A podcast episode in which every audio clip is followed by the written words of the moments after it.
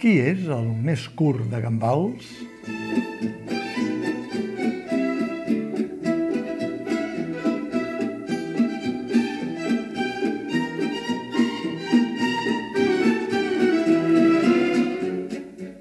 L'obra El sopar dels idiotes, de Francis Weber, és d'aquelles de llarg recorregut que de tant en tant fa bé de tornar per recordar als espectadors de diferents generacions que ser curt de gambals és una virtut que ni es compra, ni es ven, ni s'ensenya, s'hi neix, però també per advertir a tothom que ningú no està lliure d'ensopegar tres vegades en la mateixa pedra sobre la qual veuen que hi ensopeguen els altres. L'origen de la primera versió catalana de la comèdia és del 1998. El director i actor Paco Mir, un dels tres membres de Tricicle, va adaptar la comèdia que l'autor francès havia escrit el 1993 i que, cinc anys després, el mateix 1998, es va adaptar al cinema on va aconseguir un èxit espectacular. L'estrena teatral catalana va formar part de la programació del Festival Grec del 98 i al Teatre Condal hi van treballar Lluís Marco, Ricard Borràs, Lluïsa Castell, Jordi Coromina, Carles Martínez i Chantal Aimé.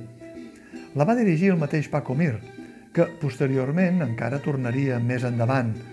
el 2002, al Teatre Poliorama i el mateix Teatre Condal, amb un repartiment diferent. Entremig,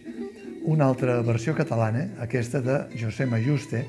dirigida per Juan José Afonso, el 2011,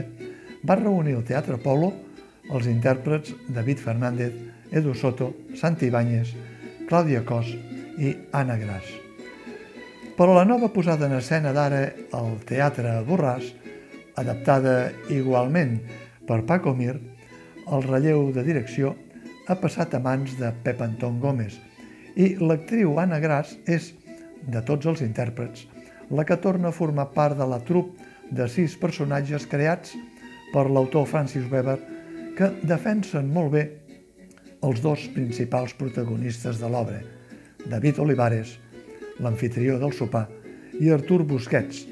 el convidat i candidat al títol d'idiota. El sopar dels idiotes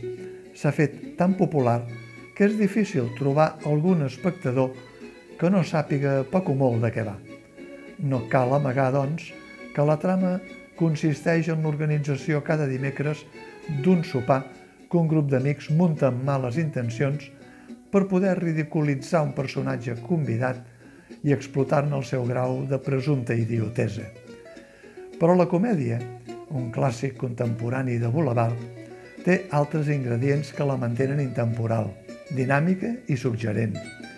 Les infidelitats de parella, la picaresca del frau fiscal, el cinisme d'uns a costa de la feblesa dels altres, la presència entre sarcàstica i humorística dels inspectors d'Hisenda i els caràcters oposats dels dos personatges femenins, a més d'altres personatges absents que es resolen